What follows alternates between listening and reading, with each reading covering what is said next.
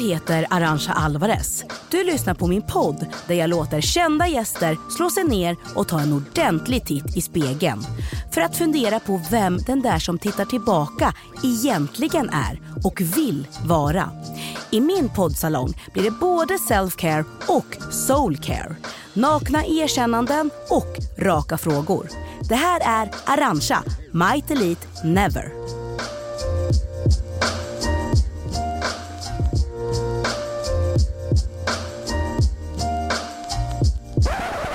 Jag har uh, lite bubbel här men den är alkoholfri. Mhm. Och det roliga är att det är 100% alkoholfri. Det är 0,0. Det är 0,0. Ja, Och inte ens jag lite. Ja. För ofta när man söker alkoholfri är det 0,2, 0,5 och- Ja. och då är det inte alkoholfri. Men är det för att du kanske kör? Nej, det, jag dricker så jag ska inte säga att jag inte dricker alkohol. Jag, jag tycker en, en whisky om kväll. Ja, du ser ut som en kille som gillar att ha kul. Ja, En shot, en shot eller två också. Ja, det gör jag Ja. också. Men allting är på rätt tid och rätt plats med mig. Ja. Så idag är en arbetsdag, jag är här och träffar dig och sen ska jag jobba med klasser ikväll. Så alkoholfri under dagen Mm. går bra. Men när jag kommer hem en whisky. I det här avsnittet har jag bjudit in Tony Irving. Vill du ha någon form av eh, handvård eller ansiktsmask eller både och? Handen behöver jag. Ja, handen. För det, det, det är ett tag sedan jag gjorde någonting med mina händer. Vill du ta av eh, så att du min, inte får... ja, mina, mina, mina ringar. Så nu är du en singelman för ett litet tag? jag skojar. Ja, jag vet. Kommer de av Det märks att jag väldigt sällan tar av dem. Ja. Kolla, jag har gruvorna i Jo, det har du. Ja. Men det där det är ju det är ett gott tecken. Ja. Det är ett gott tecken. Tony, du känns som en väldigt upfront och tells it like it is, säger det som det är person. Där du kanske också har råkat lite trubbel för sånt. Har jag fel?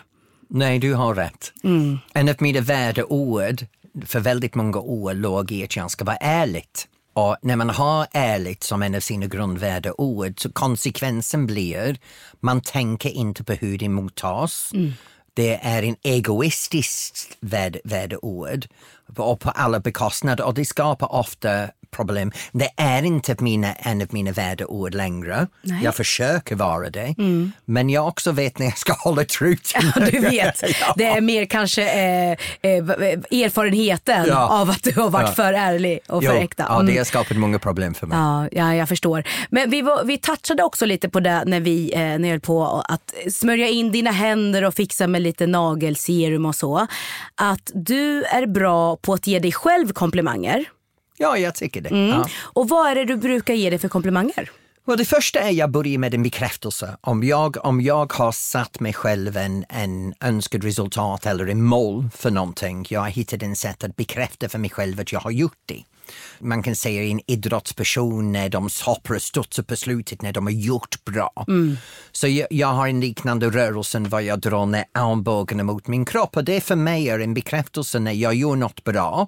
Jag lägger det i ryggsäcken. Just det. Och den, den mönster, den känsla är en feel grej jag har som ger mig själv bekräftelse, nu har jag gjort bra. Men hur kom du till den punkten? Terapi. Terapi. Ja, jag, Is the key. Ja, jo, Mm. ja, jag hamnade väldigt långt ner i botten. Um, sen i 2011 min företag gick i konkurs och då plockade jag upp mig själv. Och då var det okej, jag valde att vända den förlusten till en möjlighet att nollställa mitt liv. Nu som en medelålders man kan jag titta på mig själv och säga allt härifrån gör jag för att jag vill. Så hur vill jag att mitt liv går vidare? Och då var det en väldigt bra plats för mig att säga okej, jag börjar med terapi, jag tar tag i, i min bagage, jag, jag går framåt. Men härifrån jag går framåt på egen villkor. Ja, på dina villkor. Men det låter extremt sunt och jag tror faktiskt personligen att jag också måste göra det mer. Att jag kollar mig själv i spegeln och säger det där gjorde du bra. Eh, jag brukar ibland kanske fastna lite mycket i vad jag tycker att jag borde göra bättre. Eh, för jag vill hela tiden bara eh, att allting eller projekt man gör och sådär ska bli bättre och bättre och bättre. Men ibland måste man stanna upp och jag kollar även ut på min producent Jesper och säger ibland får man säga fan jag är bra. Eh, och stanna där och bara ta in den känslan. Tack Tony. Idag så ska vi prata om personen Tony Irving. Vem han är och vem han vill bli. Men innan vi gör det så ska vi faktiskt höra vad en av dina närmsta har att säga om dig. Nämligen din man Alexander. Hej på er! Det här är Alexander Sköldspar Irving och jag är gift med Tony Irving. Tony övertalade mig att gå ut på en dejt 2013 och jag måste erkänna att jag var kanske inte så villig att gå på dejt med honom då jag var en lycklig singel i mina bästa år. Men han övertalade mig och här sitter jag idag nio år senare gift med hela Sveriges dansdomare. Nu i efterskott är jag glad att jag blev övertalad att gå ut med honom. Tony är en fantastisk man på många sätt. Med sin öppna, charmiga stil har han nästlat sig in bra i min släkt och han är väldigt omhändertagande om varje del av familjen. Det är trevligt. Tony är en person som är noggrann att varje familjemedlem grattas på födelsedagar och något som är nästan heligt är det här med julkort som ska skickas. Alla medlemmar i familjen ska det skickas julkort till. Och han lägger mer pengar på julkort och julfrimärken varje år än han gör på hårspray. Och Tonys hårspraysbudget är skyhög. Men även solen har fläckar. Och en av Tonys svaga sidor som han skulle behöva arbeta med är att hålla tyst när det gäller hemligheter. Han har absolut inga problem att hålla affärshemligheter och jag hör honom sällan skvallra om någon. När det kommer till hans arbete, oavsett vad han är engagerad i för tillfället, går det inte att få ur honom några hemligheter alls. Värre är det med presenter. Just nu i juletid maximeras hans svaga sida och det är som att gå på ecstasy. Tony kan inte låta bli att avslöja vad han har köpt i julklapp till mig och det är samma visa varje år. Förra veckan stod jag i köket och ögnade igenom ett erbjudande om synundersökning från en optiker i stan. Nämnde förbigående till Tony att jag måste göra en synundersökning och behöver nya glasögon. I samma veva nämnde jag att jag måste köpa ett par nya trådlösa hörlurar då mina airpods trillar ur hela tiden då mina öron är vanskapta. Tre dagar senare satt vi i soffan och fikade och pratade julklappar. Då säger han, vad du än gör Alexander innan jul så köp inga glasögon eller något du kan lyssna med. Spoiler alert deluxe. Så jag svarar, okej, okay, så du har köpt ett presentkort på nya glasögon och ett par hörlurar till mig? Tystnad. Det är alltså samma visa varje år.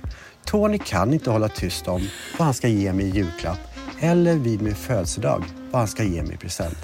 Detta är en svag sida hos honom som han behöver arbeta på. I övrigt så är jag nöjd med min man. Ha det fint allihopa. Hej! Hur lyckas du få honom att göra det? Nej men jag har mina knep förstår du. Visst var det en överraskning? Ja.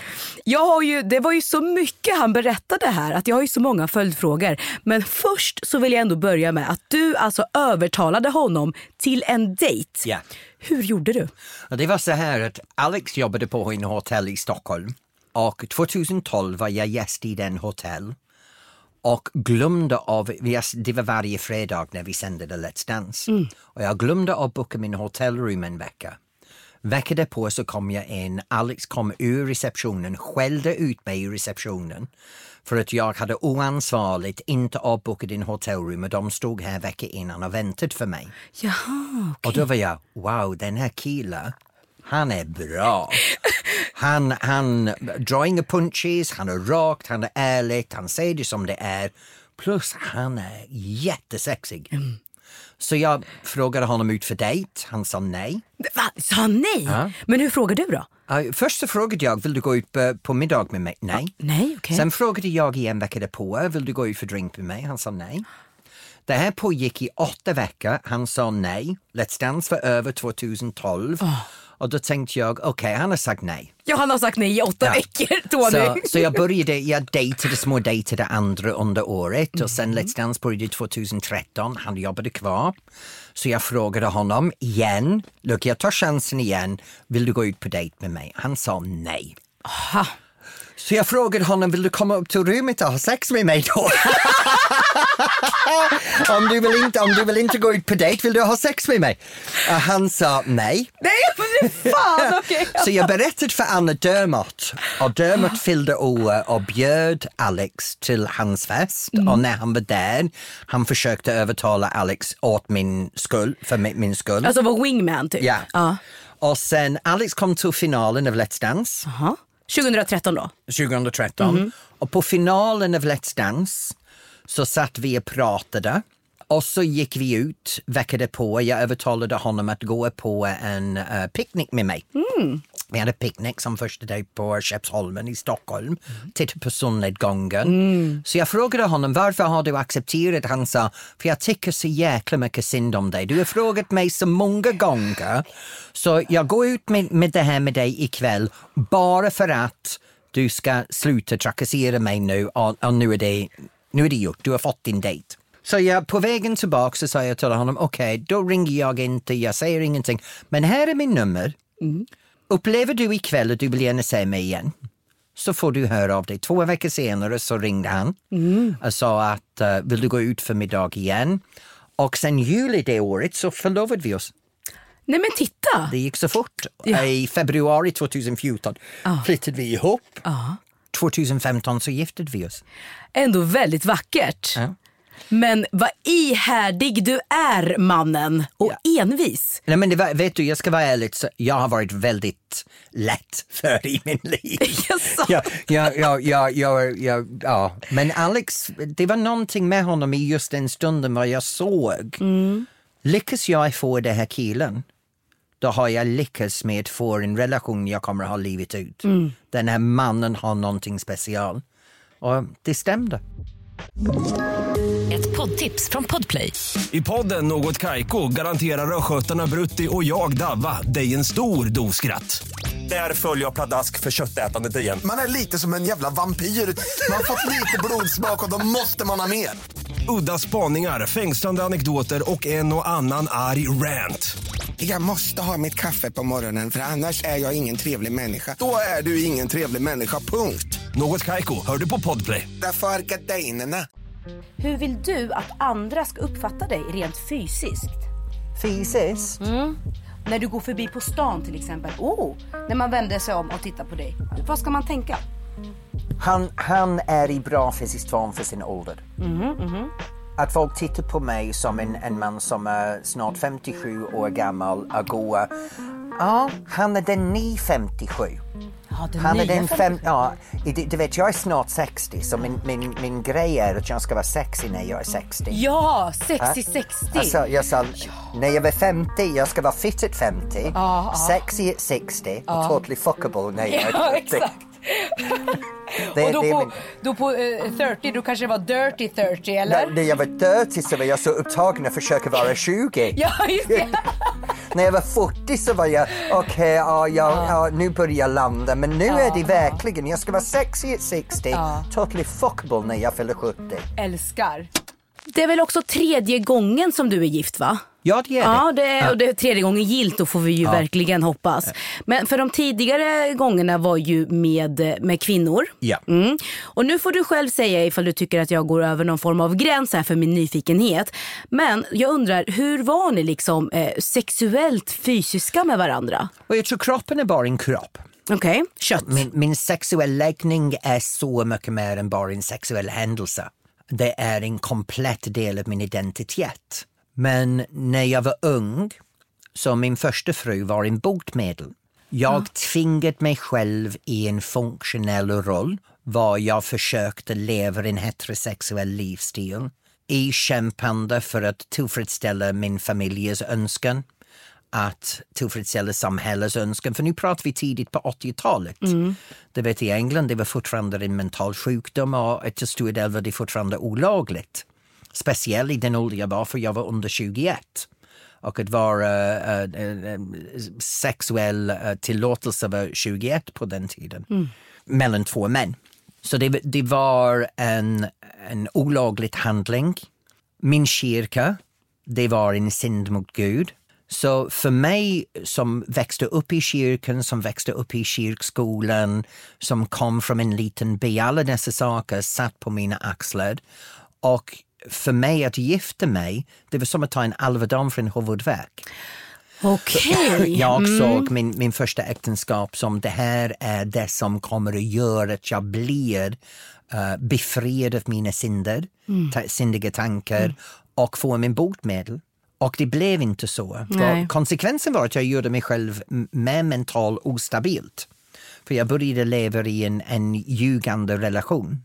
Och när man ljuger en gång så får man ljuga en annan gång så får man ljuga flera gånger. Det blir en, en snöbollseffekt som man inte vill vara med om. Mm. Så, så min, min mental stabiliteten var eh, inte bra.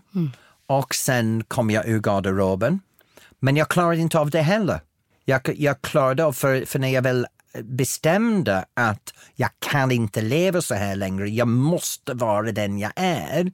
Jag hade så många programmering, mental programmeringen kvar att varje händelse kämpade emot eh, eh, dessa programmeringar. Så, så jag mådde inte bra trots att jag visste att det här är vad jag vill.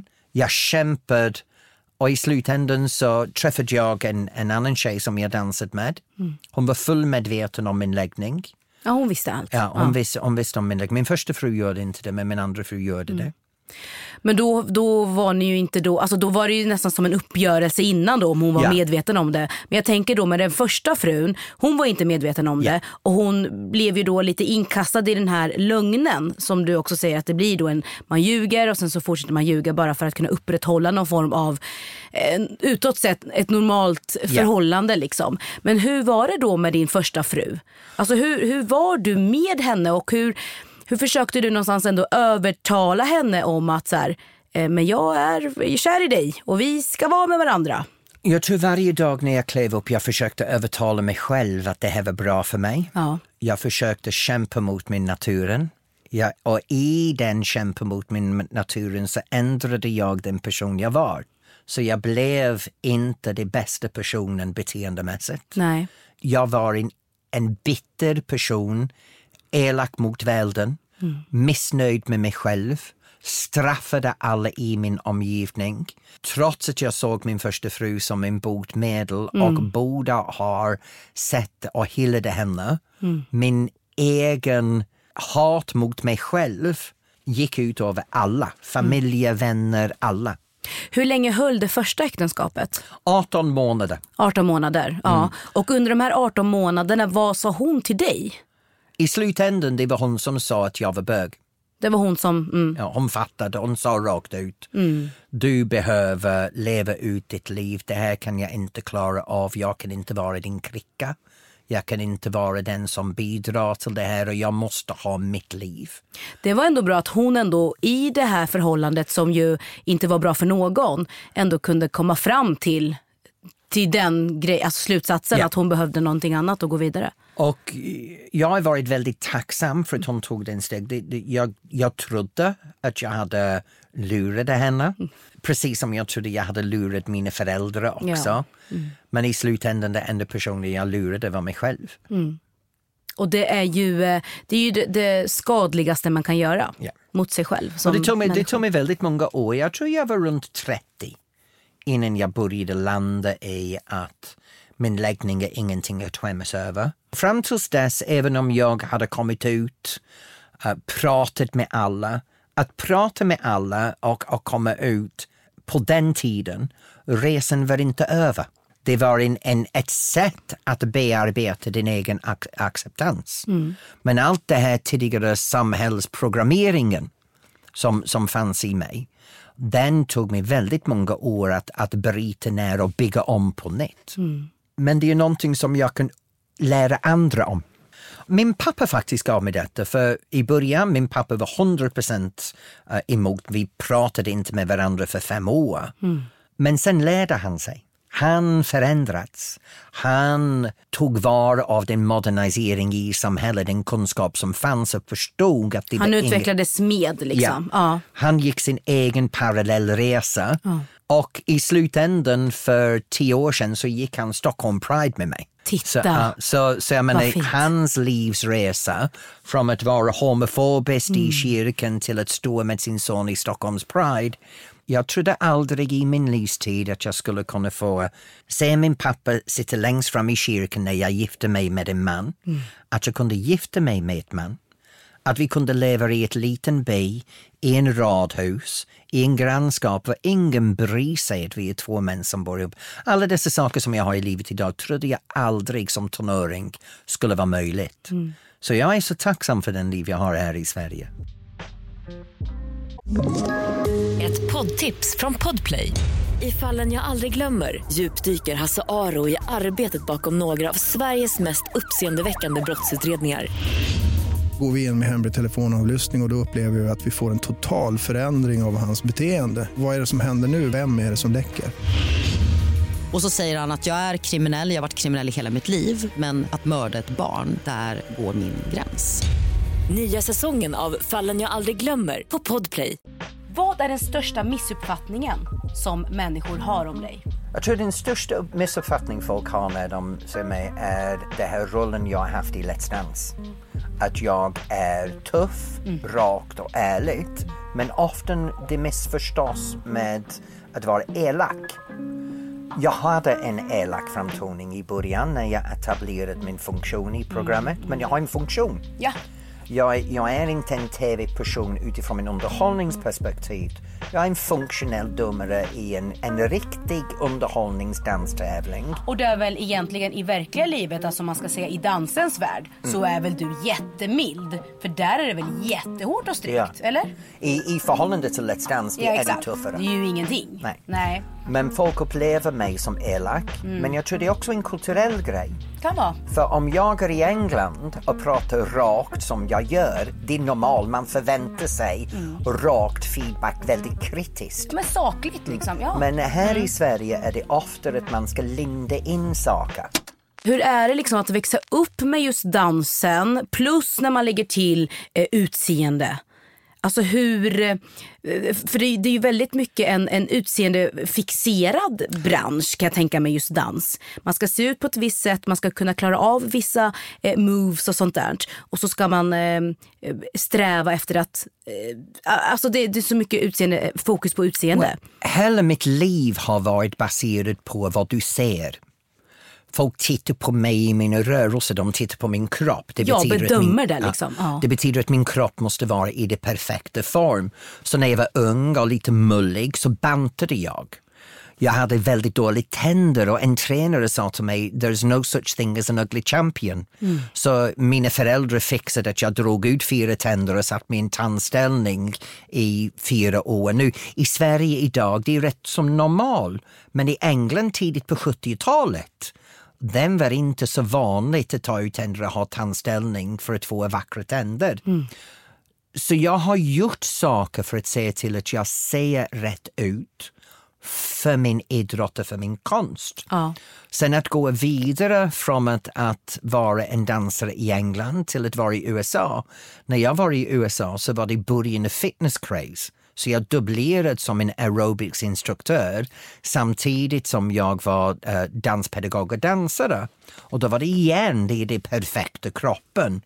Så jag gick in i den där uh, träningsmiljö av att se till att jag ser rätt ut, rätt kläder, rätt frisyr, eh, rätt storlek. Och sen när jag kom till Sverige och så småningom kom med i Let's Dance, jag kommer in i mediebranschen. Det är en annan miljö av att man ska se ut som en, på en viss sätt, man ska bry sig om sin utseende, stå på röda mattan, Ja. har en viss märke på kläder på sig.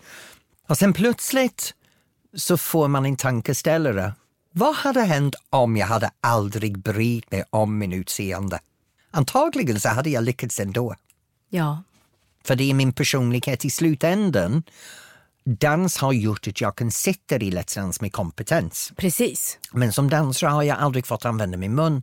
I Let's Dance gav mig möjligheten att använda min mun och för första gången min åsikter om min mun blev basen till att förmedla min kompetens, inte min rörelse, inte min paketering, inte min utseende. Självklart den bidrar till att det ser bättre ut i bild. Men idag min karriär är baserad på min kompetens och min mun, mycket mindre än min utseende. Vad tidigare utseende var. Så det var väldigt tufft med utseende. Jag var väldigt tuff mot mig själv. Det Mång- känns som att eh, du har gjort extrema saker för att nå kanske en viss vikt eller så. Har jag, jag... jag har gjort en fettsugning. Ja, till och med. Ja, Jag, gjorde, jag gjorde fettsugning 15 år sedan. Mm. Jag brukar säga så här, de tog bort fem Coca-Cola-flaskor med fett från mig. Och eh, jag gjorde min, min bröst, min övre mage, nedre mage, sidorna. Det som jag inte tänkte på när jag gjorde det, det också kräver en lifestylesförändring och det Såklart. gjorde inte jag. Nej. Så jag fortsatte äta, äta skit och växte igen och Mm. gick upp, men bara fettet kom på andra platser. Så jag har gjort en hårtransplantation. Så under åren ur fåfänghet och desperation av att vara accepterad har jag gjort extrema saker. Jag menar att, att frivilligt göra operationer är en, en galenskap bara för att vara accepterad och försöka eh, passa in i någon annans norm. Mm, det är ju alltid en risk när man ska under kniven Ja. ju, och sövas ner och så. Men hade du, ehm, hade du, om du fick välja, inte gjort det? Eller står du, står du fast vid, vid de valen? I den stunden, med den kompetens jag hade och hur jag mådde då, det var rätt för mig att göra det då. Idag, det är en väldigt bra lärdom. Jag lärde mig mycket om mig själv. Jag lärde, när jag tittar tillbaks, jag kan se utifrån de handlingarna hur dåligt jag mådde. För vikten, håret, de var fysiska saker jag kunde ta tag i. Så det, det är som igen, det är som att, att gifta sig som en botemedel mot min homosexualitet. Jag kunde ta tag i att göra en hårtransplantation, jag kunde ta tag i att göra en fettsugning. Jag mådde inget bra.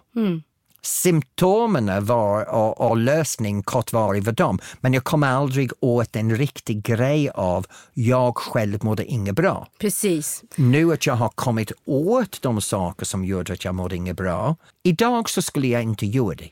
Men jag gjorde det då och det var rätt för mig då i, med den kunskap och kompetens då. Men idag, nej, jag hade inte gjort det igen. Nej. Sen apropå det här med Let's Dance faktiskt och det här med språket som ju är en väldigt vik- viktig grej eh, när, när vi också jobbar som vi gör. Det är radio, det är tv, det är poddar och det är liksom folket som ska ta emot eh, den här informationen ska också fatta vad det är man vill kommunicera. Jag har i vissa sammanhang faktiskt stött på där det har gnällts på min breda östgötska eh, och, och det har jag fått höra. Eh, och, och då tänker jag på att du ju har jobbat med eh, Let's Dance i väldigt många år. Bland annat när eh, David Helenius programledde i typ 15 år. Kan det väl ha varit? 15 Ja. år där gjorde David, ja. Och han skämtade ju om hur du pratade i stort sett varenda, varenda lördag. Eller varenda gång programmet skulle Yeah. sändas.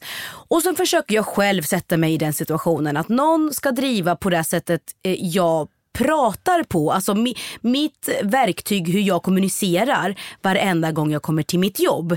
Jag hade blivit till slut ganska trött på, på det. Hur kände du, handen på hjärtat, efter, ja, det var ju år. Och jag, tror, jag försöker påminna mig själv att jag kom till Sverige som en vuxen. Så min möjligheten att lära mig svenska och låta som en svensk är väldigt begränsad. Sen på engelska så har jag en väldigt bred norra engelsk dialekt.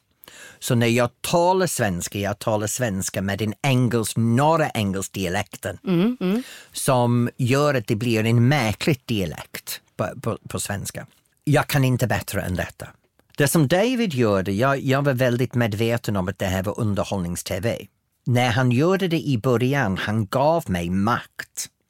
Sen när David drev med mig över min, engelska, äh, min svenska med engelska brytning, det gjorde att han lyfte fram mig i programmet.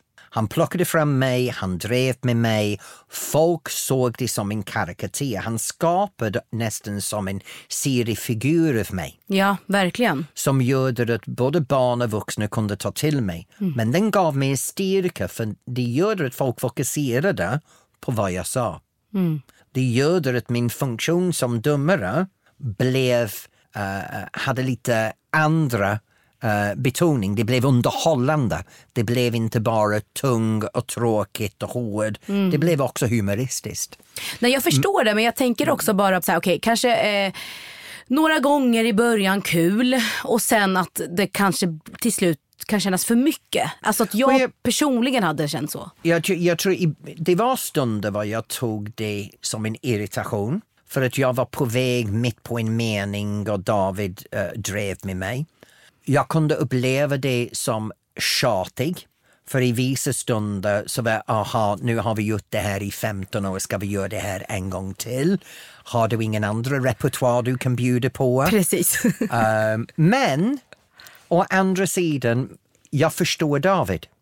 Vi är i en tv-format var han har samma jurypanel, samma jurymedlem. Vi gör ingenting nytt. Det vet jag bara yttrar mig på olika sätt. Så, så han har samma verktyg. David är en, en fantastisk person som jobbar spontant. Men han får jobba med den verktyg jag levererar för honom. Mm, och då tänker du så här, jag ger dig samma verktyg så då kommer du ändå göra samma sak För- ja. med verktyget. Ja, Men, Även om jag personligen till slut tröttnade på att vara hackkyckling över min, min engelska brytning. Jag tyckte det var lite, lite tröttsamt. men sen har jag också lite reflekterat kring bara så här, hur hade det varit om du inte hade haft just en engelsk brytning? Att du hade haft kanske en brytning från, eh, jag vet inte, eh, kanske något land i Asien eller något annat land i Europa, typ en spansk brytning. Hade man kunnat ta sig de friheterna då att driva med din dialekt på det här sättet? Jag tror att den engelsk brytning jag har, ofta svenskarna glömmer att jag är invandrare. Jag har en lyx-invandrarsituation. Faktiskt när jag använder det begreppet och säger jag är invandrare, jag borde skämmas. För jag har aldrig upplevt de situationer och problematiken som jag upplever och ser många av mina vänner och, och kollegor upplever i det svenska samhället. För jag är en engelsman. Jag, jag är en skämt för det här faktiskt, som var min fars inriktning. För jag ringde honom och sa, far jag ska börja plugga lite kort igen, jag ska gå svenska för invandrare. Han sa, men hur kan du gå svenska för invandrare? Du är ingen invandrare, du är engelsman. Ja, okej. Nu, den inställningen är också samma sak här. Många kan säga att ja, men du är engelsman. Man registrerar inte att jag är en invandrare. Jag värderas som en annan typ av invandrare. Min språk blir bara, åh det är så sött när du är engelsman och talar svenska. Men jag ser andra som har brytning och de blir uh, utsatt, de blir smutskastade, de blir tillsagda att de ska ändra på sin brytning. Men varför då? Ingen, ingen har samma betoning för mig. Exakt. Vi är alla invandrare tillsammans, borde man inte betrakta alla på samma sätt? Men hur mycket svenska språket är du nu? Alltså vi säger om du slår dig i tån, svär du då på svenska eller engelska? Vet du, hälften av tiden, jag har ingen aning vad det är för språk jag talar. Nej men på allvar, det är samma sak med Alex och jag. Vi sitter där och samtalar med varandra och folk kan skratta utifrån så varannan ord är engelska, svenska.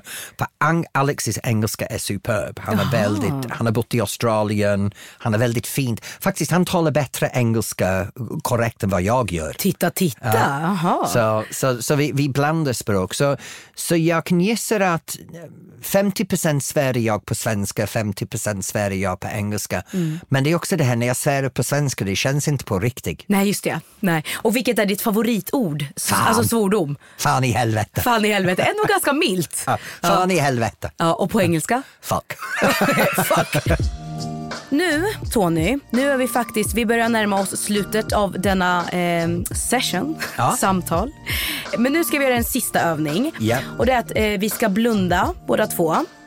Och då ska du få, eh, du ska få säga det du dagdrömmer om. Och du får bre ut dig så mycket du bara vill och kan. Take it away Tony. Min dagdröm. Jag har ingen. Har du ingen dagdröm? Nej. Jag, jag tycker det, det här är... Jag har min dröm, jag lever min dröm, jag ska, jag ska vara ärligt. Jag lever min dröm. Jag, jag lever den liv jag vill ha. Jag bor i min dröm. Jag bor i, i en radhus med min bil, med min man, med mina två hundar i en liten by precis som jag växte upp. Ambitioner som jag har i livet, men de är karriärsmässigt eller prestationsmässigt. Men mitt liv är... Jag är väldigt lycklig lottad. Jag har en fantastisk liv. Det var den snabbaste dagdrömmen hittills. För du är den första som inte har haft en, alltså en, en, en, detaljerad dag, dagdröm för att du lever i den. Liksom. Och jag har ingen person som jag ser upp till. Nej. Så jag har ingenting som jag säger, den personen har någonting jag vill ha. Nej precis, för du besitter just nu på allt det du vill ha.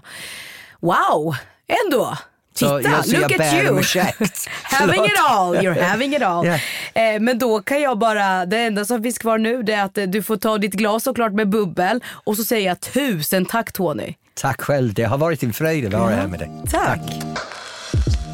Jag ska vara ärlig, det enda person som har aldrig lyckats ragga i Let's Dance, det är jag. Ja, det, det.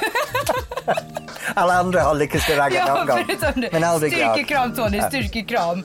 Den här podden produceras av tredje statsmakten. Producent är Jesper Hagenborn och slutmixen görs av Nils Svennem Lundberg. Ett poddtips från Podplay. I fallen jag aldrig glömmer djupdyker Hasse Aro i arbetet bakom några av Sveriges mest uppseendeväckande brottsutredningar. Går vi in med hemlig telefonavlyssning och, och då upplever vi att vi får en total förändring av hans beteende. Vad är det som händer nu? Vem är det som läcker? Och så säger han att jag är kriminell, jag har varit kriminell i hela mitt liv men att mörda ett barn, där går min gräns. Nya säsongen av Fallen jag aldrig glömmer på Podplay.